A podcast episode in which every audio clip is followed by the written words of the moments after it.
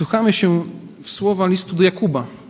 Trzeci rozdział, wiersz od 13 do 18, gdzie Jakub pisze tak. Czy jest między wami ktoś mądry i rozumny?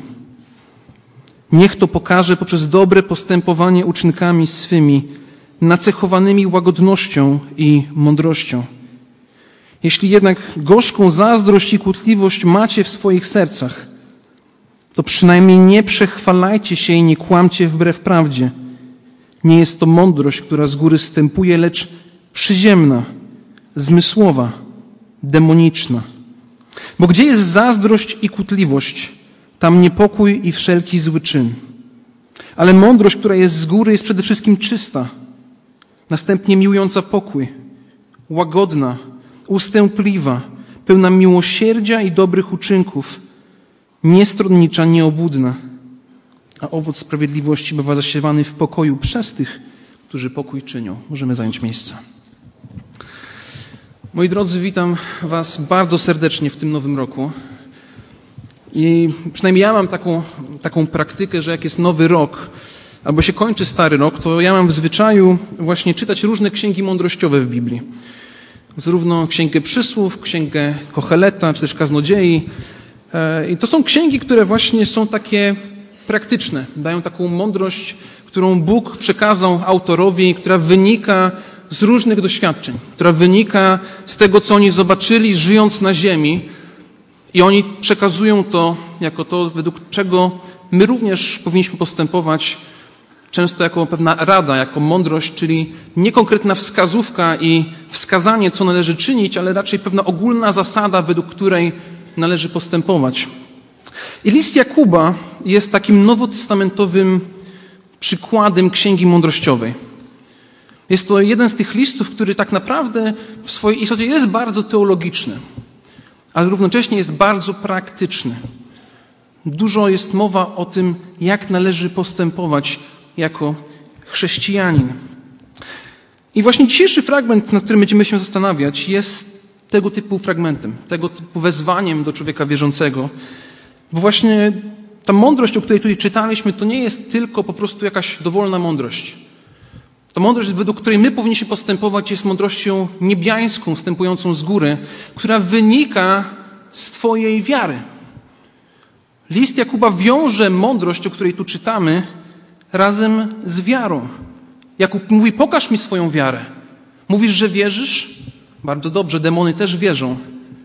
Pokaż mi, jak wierzysz. I podobnie jest tutaj, gdzie zobaczymy, gdzie on rzuca nam wyzwanie. Mówi: Wierzysz? Mówisz, że jesteś mądrym człowiekiem. Teraz pokaż mi to, że jesteś mądry.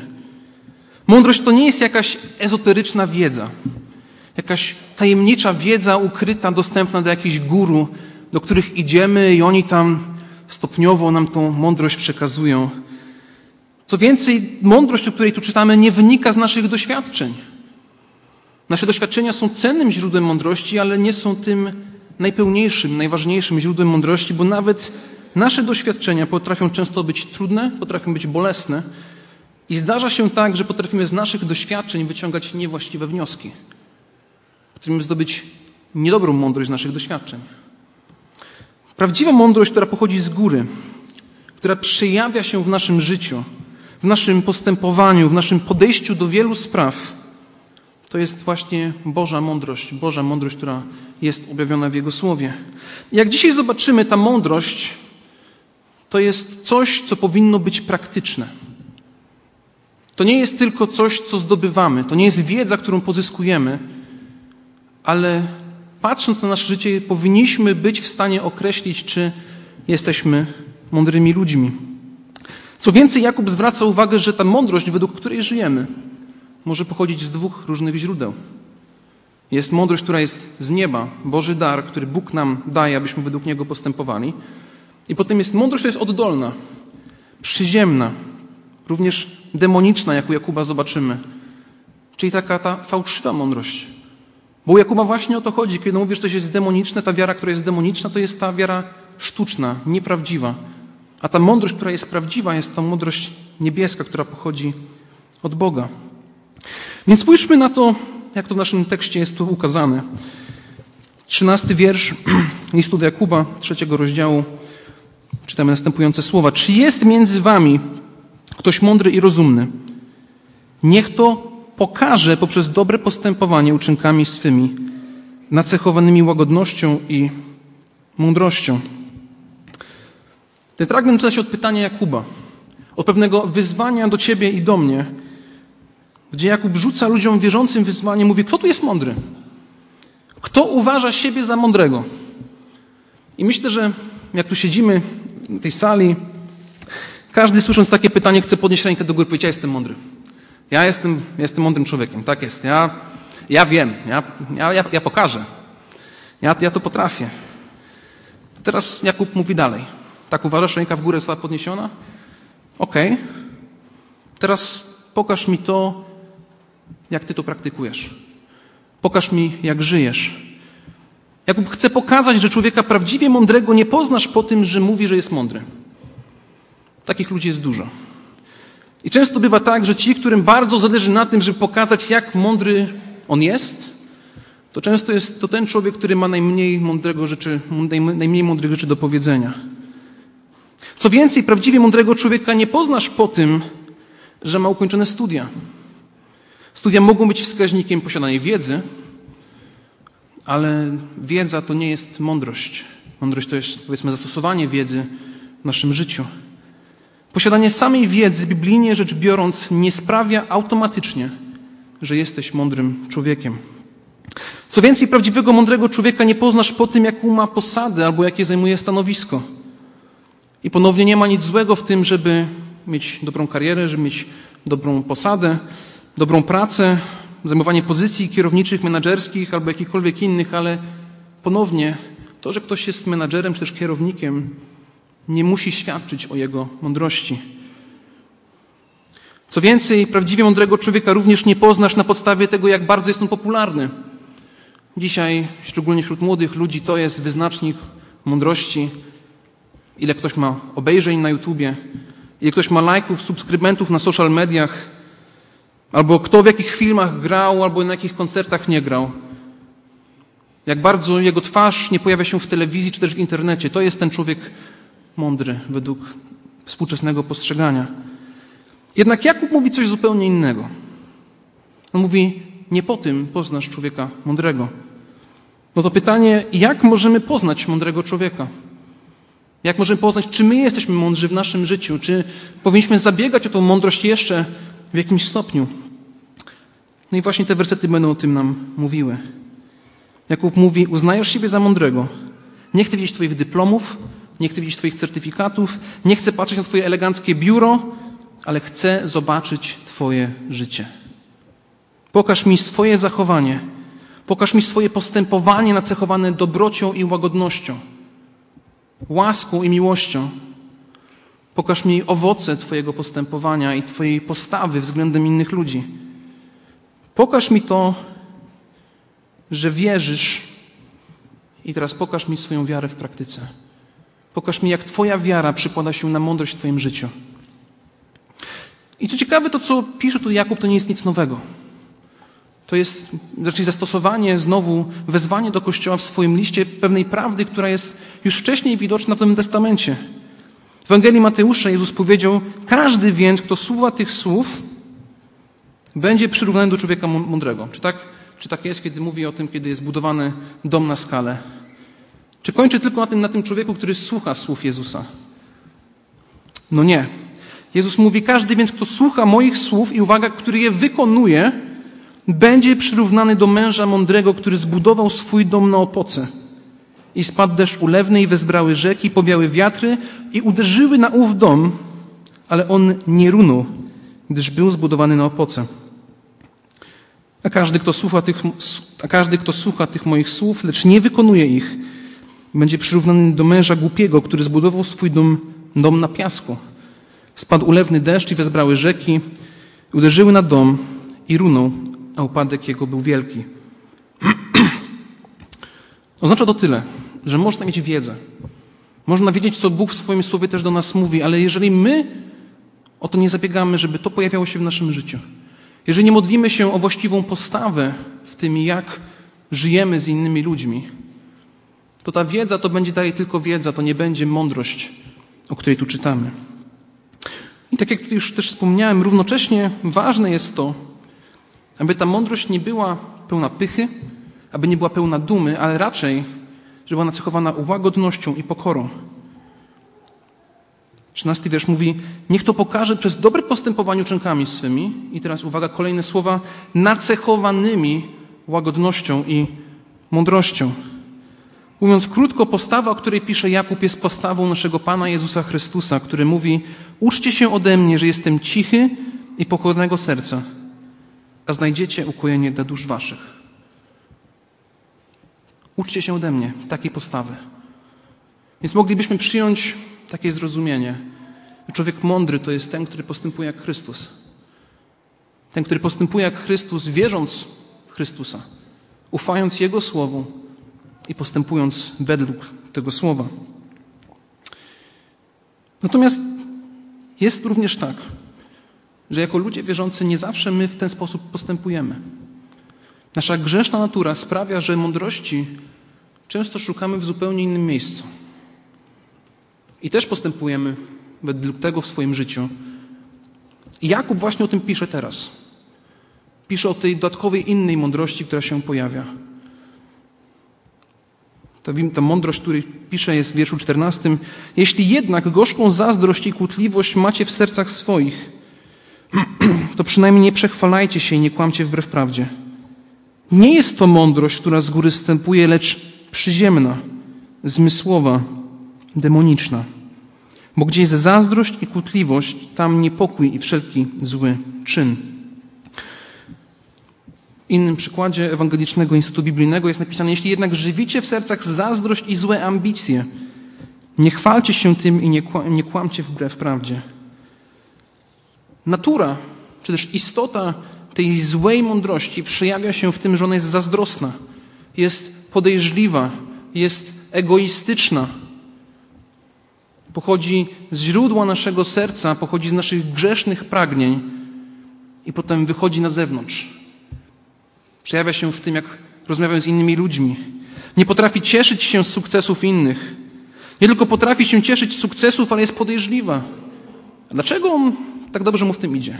Ma pewnie jakoś tam oszukał. No tak. To on tam coś, coś tam był, jest nie w porządku. Sukces innego wierzącego może być zagrożeniem dla człowieka, który jest zazdrosny. To również sprawia, że wciąż się musi porównywać z innymi ludźmi. A ja jestem taki, on jest taki. O, ma to, ja mam to. Jest zazdrość o to, co druga osoba posiada, czego ja nie posiadam. Musi się upewniać, czy ktoś nie gra w jakąś grę polityczną. Dlaczego on tak powiedział w ten sposób? Dlaczego on nie powiedział tego inaczej? Hmm, pewnie ma coś ukrytego. Jeżeli mamy takie nastawienie, to czy możemy budować jedność? Czy Kościół jest w stanie realnie coś wspólnie zbudować? Moi drodzy, budowanie zdrowych relacji na ciągłej podejrzliwości, na zazdrości jest niemożliwe. Jest to niemożliwe, aby mieć zaufanie drugiej osoby, jeżeli ciągle podejrzewam ją o jakieś złe intencje, jakieś złe nastawienie. Te złe ambicje, o których tu czytamy, to nie jest mowa o dobrych ambicjach. Przecież człowiekiem ambitnym w życiu jest czymś dobrym. Warto mieć cele, warto mieć plany. Apostoł Paweł miał plany, jeździł na różne działania misyjne. W naszym życiu, w naszej pracy dobrze jest mieć plany i warto te plany zabiegać. Ale to słowo, które tu się pojawia, to jest słowo, które oznacza trafienie do, swoich, do swojego celu po trupach, po trupach do celu, byśmy powiedzieli. Czyli nie zważasz w ogóle na drugiego człowieka w tym, co robisz. Nie myślisz o nim. Raczej twardo stąpasz po ziemi, czy to kogoś skrzywdzi, czy nie skrzywdzi. Idziesz do przodu, nie patrzysz się na to, co kto innego zrobił. Te złe ambicje sprawiają, że nie jest w stanie się współdziałać z innymi. Bo tylko to, co ja robię, jest najważniejsze, to, co ja robię, najliczy się najbardziej nie zważa na innych ludzi przyjmuje się tylko sobą. Więc ta zmysłowa, demoniczna mądrość jest w swoim sednie egoistyczna. Skupia się wyłącznie na sobie. Co więcej, ta kłótliwość, o której też tu czytamy, może być przejawem w naszym życiu z różnymi ludźmi, z którymi się spotykamy. Być może kiedyś spotkałeś się z tym typem mądrości, z tym typem rozmówcy, który zawsze próbuje mieć ostatnie słowo. W każdej rozmowie. Rozmawiasz i on kontynuuje, kontynuuje. Ty już chcesz skończyć, już powoli gdzieś tam dobijasz do brzegu, rozmawiasz, a on nie, jeszcze musi coś jeszcze więcej powiedzieć. Nawet jeżeli rozmowa do niczego nie prowadzi, to on musi zakończyć na swoim. Postawić koniec, więcej już nic się nie będzie działo. Nawet odchodzisz na chwilkę, nie chcesz już specjalnie rozmawiać, a on i tak przyjdzie, jeszcze będzie kończył swoją myśl, tak aby się wykazać. Innym przykładem kłótliwości jest ktoś, kto czerpie radość z kłótliwości. Są ludzie, którzy lubią nie tyle postawić na swoim, co raczej lubią mieć takie poczucie, że o, udało mi się powalczyć dzisiaj w słowie. Tak, o, ale dobrze, dobrze było. Nie ma znaczenia, jaki jest temat, nie ma znaczenia, czy jest cel w tej rozmowie, ale chodzi o taką kłótliwość, takie nastawienie takiego wojującego w słowie. I teraz sobie wyobraźmy małżeństwo, gdyby tak każde małżeństwo wyglądało. Mąż i żona oboje mieli dokładnie takie samo nastawienie. Oboje mają nastawienie kłótliwości i oboje muszą zawsze postawić na swoim. To nie byłyby dobre małżeństwa, to nie byłyby zdrowe relacje, które byłyby zawiązywane. Tam nic dobrego by nie powstało. Co więcej, czytamy tutaj o przechwalaniu się, że to, co wynika z naszego serca, jest chęć pokazania się przed innymi. I być może również spotkałeś się z takim typem człowieka, który cały czas opisuje siebie w samych superlatywach, który cały czas mówi o sobie w tym, co jest pozytywne, tym, co jest niesamowite, opowiada niesamowite historie na swój temat, gdzie to on nie był, czym to się nie zajmował, czego jeszcze nie zrobi i czym jeszcze się będzie zajmował. I się słucha tego człowieka i tak myślisz, ale, ale jak to? Jak to tak można w ogóle w taki sposób funkcjonować? Inni ludzie nie mają udziału w jego sukcesach, a jedynie liczy się to, jak ważny on jest. I żeby wszyscy, którzy mi rozmawiają, dokładnie o tym wiedzieli. Ale moi drodzy, Księga Przysłów również ma takie nastawienie, ma mądrość. Przysłów 27, 2 do 3 mówi: Niech inny cię chwali, a nie własne usta. Obcy, a nie własne wargi. Ciężki jest kamień i sporo waży piasek, lecz rozdrażnienie z powodu głupca jest cięższe od obu. Rozdrażnienie z powodu głupca jest cięższe od obu. Jakub pisze o człowieku, który kieruje się taką ludzką, cielesną, grzeszną mądrością i mówi, czasem taka rozmowa potrafi po prostu nas dobijać. I moi drodzy, ciekawe jest to, że to, o czym tutaj pisze Jakub, to nie jest tylko skierowane do ludzi niewierzących. To nie jest tak, że teraz wszyscy ludzie niewierzący postępują według tego, co tutaj czytaliśmy. Czasami bywa, że właśnie z człowiekiem niewierzącym nawet lepiej się rozmawia niż z wierzącym. Może to jest szokujące, ale tak jest. To, o czym pisze Jakub, to jest pewne nastawienie, które jest widoczne czasem u ludzi wierzących, a nie powinno takie być. Skoro mamy odmienne serca, skoro mamy przemienione myślenie, to tym bardziej u nas powinno to wyglądać inaczej. I właśnie dlatego piszę o tej drugiej mądrości, o tej mądrości niebiańskiej, jako tej, która jest właściwa, tą, za którą my powinniśmy podążać i ta, za którą, do której powinniśmy chcieć dążyć. Ta, która nie sprawia niepokoju wśród innych ludzi, ta, która nie prowadzi do złych czynów, ta, która nie zdradza złych owoców, ale ta, która sprawia dobre rzeczy, sprawia pokój z innymi ludźmi.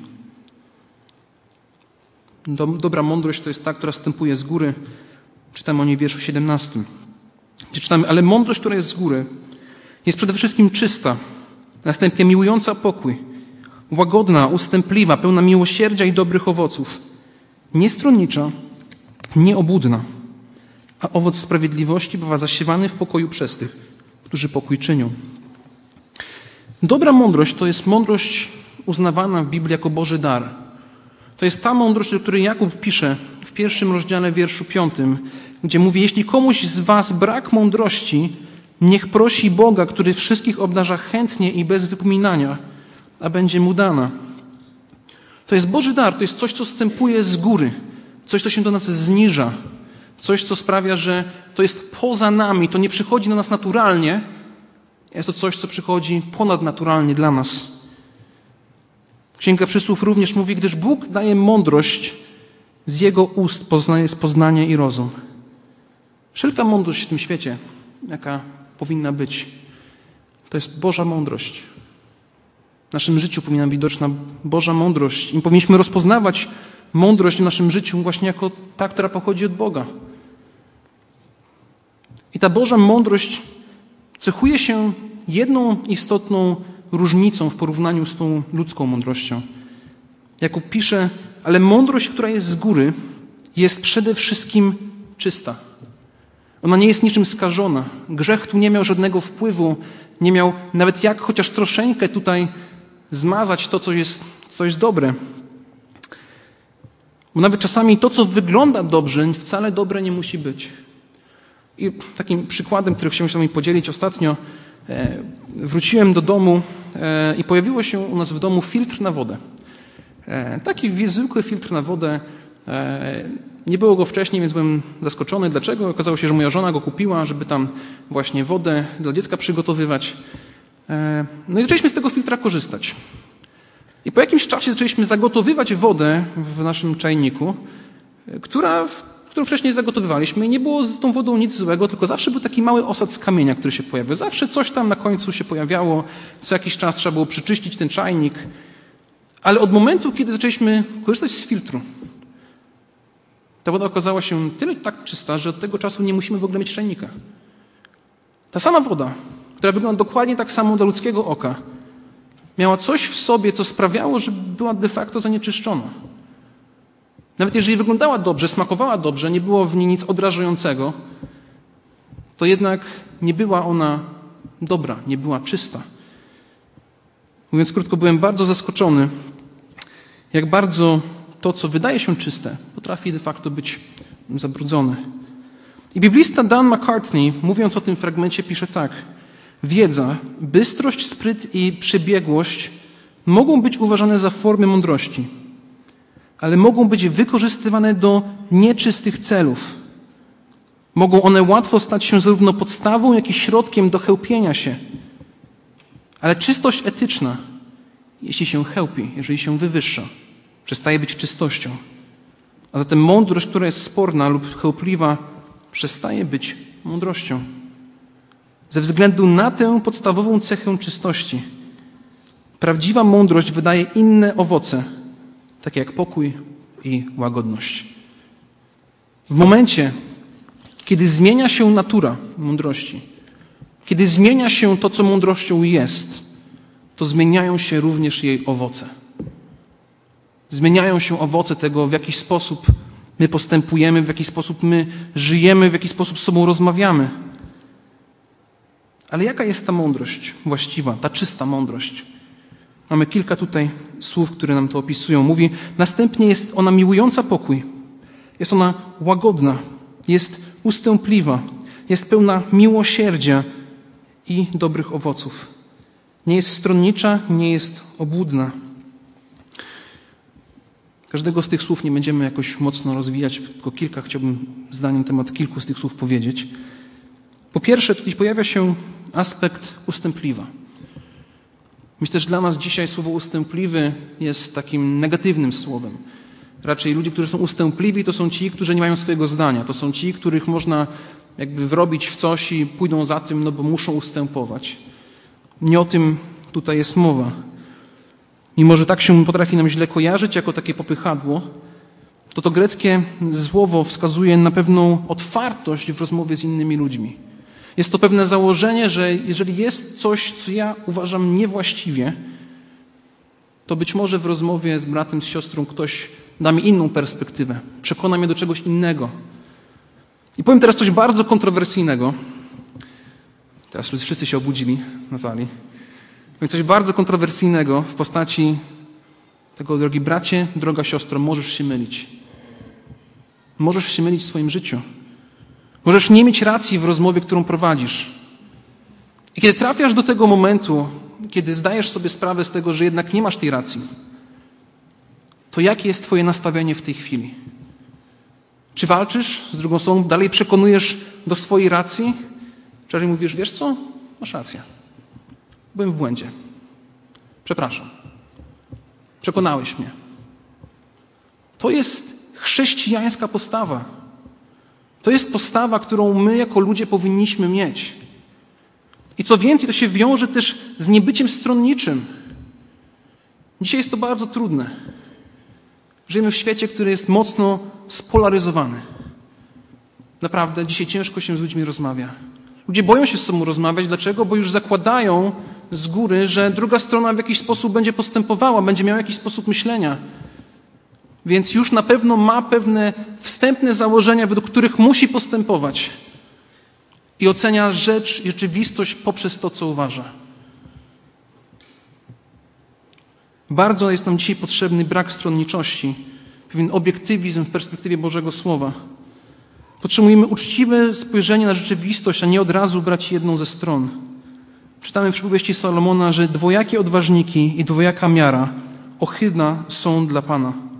Obydwie te rzeczy są ohydną dla Pana. Jeżeli jesteśmy stronniczy, nie ważymy słów, które słyszymy, to nie jesteśmy mądrymi ludźmi. I kiedy czytamy te różne słowa w tych rzeczach, w tej, w tej liście, to z czym one mogą nam się skojarzyć? Z jakim postępowaniem mogą się te słowa skojarzyć? One są praktycznie słowo w słowo z innym dobrze znanym fragmentem z Pisma Świętego. I czytamy pierwszym się do Koryntian, miłość jest cierpliwa, miłość jest dobrotliwa, nie zazdrości, miłość nie jest chełpliwa, nie nadyma się, nie postępuje nieprzystojnie, nie szuka swego, nie unosi się, nie myśli nic złego, nie raduje się z niesprawiedliwości, a raduje się z prawdy. Wszystko zakrywa, wszystkiemu wierzy, wszystkiego się spodziewa, wszystko znosi. I ten fragment jest bardzo często czytany jako fragment miłości małżeńskiej. To jak się ma różne śluby, się jedzie gdzieś na odwiedziny do znajomych, to bardzo często ten fragment się tam pojawi, bo to jest tak piękny hymn do miłości. Jak to pięknie jest mieć miłość małżeńską. No pięknie. Problem w tym, że ten fragment nie mówi o miłości małżeńskiej tak bezpośrednio przynajmniej. Mówi o miłości, jaką powinni mieć ludzie wierzący między sobą. To powinno wskazywać nasze postępowanie, nasze myślenie w tym, w jaki sposób my wobec siebie postępujemy i jak o sobie myślimy, co względem siebie robimy. To jest to, co sprawia Duch Święty w sercu człowieka. Wskazuje to na tych ludzi, którzy są odrodzeni, którzy mają przemienione serce, którzy powinni za tym podążać, których powinna cechować miłość. To są ci ludzie, których Chrystus odkupił z grzechów, to są ci, których Chrystus oczyścił, przemienił i wciąż przemienia. I to właśnie dlatego Duch Święty jest również w Nowym Testamencie nazywany Duchem Mądrości. Jeżeli masz, szukasz mądrości w swoim życiu, szukasz prawdziwej Bożej mądrości, to nie pozyskasz tej mądrości w żaden inny sposób, jak wiara w Boga, wiara w Jezusa Chrystusa i poprzez otrzymanie Ducha Świętego, który będzie cię wprowadzał w tą mądrość w Twoim życiu. Poprzez coraz lepsze zrozumienie Bożych prawd, tak abyś Ty i ja mógł je stosować w swoim życiu. Tak abyś Ty i ja nie tylko stało się pełen wiedzy, ale pełen mądrości, żeby, tą mądrość, żeby ta mądrość wydawała właściwe owoce. To właśnie wiąże to naszą, nasz fragment z mądrością, z wiarą, o której mówi Jakub. Jeżeli nie uwierzyłeś, że Jezus jest Twoim Panem i Zbawicielem, to nie posiadasz Ducha Świętego. Jeśli nie posiadasz Ducha Świętego, to nie możesz postępować w mądrości niebiańskiej i jedyną mądrością dostępną dla Ciebie jest mądrość przyziemna, ludzka, która nie prowadzi do niczego dobrego. Jeśli jednak jesteś kimś, kogo Bóg odnowił, kimś, kogo, komu Bóg przebaczył winy, to Twoim zadaniem, uwaga, jest zabieganie o prawdziwą mądrość. Teraz jest Twoim zadaniem szukanie tej mądrości i wprowadzanie jej w życie. I wystrzeganie się ziemskiej mądrości, która nie buduje, a niszczy. Ziemskiej mądrości, która jest drogą na skróty, ale zasadniczo prowadzi do bólu, cierpienia i zniszczenia. I to również jest, myślę, jedna ważna myśl, tutaj, która się pojawia w wyniku tego tekstu, jest taka, że w biblijnej perspektywie nie można być człowiekiem mądrym, nie będąc człowiekiem wierzącym. Jeżeli ktoś jest jakiś ateista, jakiś agnostyk na sali, to jeżeli chcesz być mądrym człowiekiem, chcesz pozyskać Bożą mądrość, to musisz uwierzyć Chrystusowi. Jest to Boży dar, który Bóg daje darmo każdemu, kto uwierzy. I owocem tej mądrości, jeżeli będziesz prosił, jest pokój, jest sprawiedliwość, co zasadniczo oznacza dobre postępowanie. I kontrast między sztuczną, fałszywą mądrością a prawdziwą mądrością jest ogromny. Jedna sprawia niepokój, druga sprawia pokój. Jedna sprawia złe uczynki, druga sprawia dobre uczynki. Owoce mądrości są widoczne w życiu człowieka. O tym pisze Jakub. To, co czyni niepokój, to, co niszczy, to, co nie buduje, jest niedobre. To, co sprawia pokój, sprawia łagodność, łaskę, zrozumienie, miłosierdzie, to jest to, co jest dobre w życiu człowieka. Więc, drogi przyjacielu, według której mądrości Ty dzisiaj postępujesz? Jaka mądrość kieruje Twoimi krokami dzisiaj? Czy patrząc na Twoje życie, ktoś byłby w stanie stwierdzić, to jest może, mądry Boży człowiek? Czy raczej patrząc na życie, sam w sobie, jakbyś spojrzał dzisiaj w lustro, to byłoby, to jednak potrzebuję tej mądrości w moim życiu. Jeżeli widzisz, że potrzebujesz tej mądrości, to dzisiaj jest doskonały dzień, żeby zgodnie z tym, co pisze w piątym wierszu pierwszego rozdziału listu Jakuba, jeżeli komuś z was brak mądrości, niech prosi Boga, który wszystkich obdarza chętnie i bez wypominania. I kiedy zaczniesz pozyskiwać tę mądrość, to nie trzymaj jej tylko głęboko w serduszku schowanej, ale zacznij żyć według tego, co poznajesz. Jeżeli jeszcze nie zaufałeś Chrystusowi, jeżeli Jezus Chrystus nie jest Twoim Panem, nie jest Twoim Zbawicielem, może dla Ciebie to jest w ogóle jakaś abstrakcja, mówienie o tym, że człowiek wierzący to jest człowiek mądry. Dzisiaj raczej myślimy w zupełnie innych kategoriach. Dzisiaj ludzie wiary są postrzegani jako ci zacofani, ci, którzy nie mają mądrości do zaoferowania.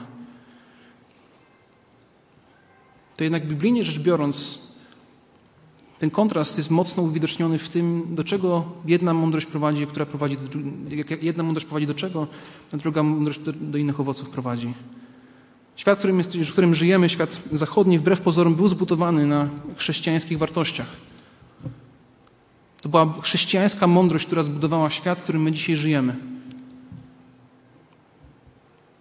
Można się z tym kłócić, można się z tym nie zgadzać, ale takie są fakty. Że te wszystkie pogańskie mądrości zostały zniszczone. Ta pogańska mądrość została unicestwiona. Dzisiaj jednak wracamy do tego. Dzisiaj szukamy mądrości, która nie pochodzi od Boga. I z tego powodu widzimy coraz więcej zniszczenia w naszym świecie, który nas otacza. Widzimy coraz więcej bólu, coraz więcej cierpienia, bo ludzie nie zważają na postępowanie, nie myślą o swoich konsekwencjach. I być może Ty dzisiaj właśnie jesteś w takim trudnym miejscu, gdzie się zastanawiasz, jak to jest w tym świecie. Dlaczego jest tyle zła, tyle cierpienia, tyle głupoty? Odpowiedź jest taka, że ludzie odwracają się od Boga. Szukają własnej mądrości. Jeżeli chcesz żyć mądrze, to jedynym rozwiązaniem, jedyną odpowiedzią na Ciebie jest Jezus Chrystus. Ten, który miał właściwą postawę i ten, według którego słów my powinniśmy dzisiaj postępować. Wtedy w naszym życiu będzie uwidoczniona prawdziwa mądrość. I mam nadzieję, że w Waszym życiu taka mądrość dzisiaj jest.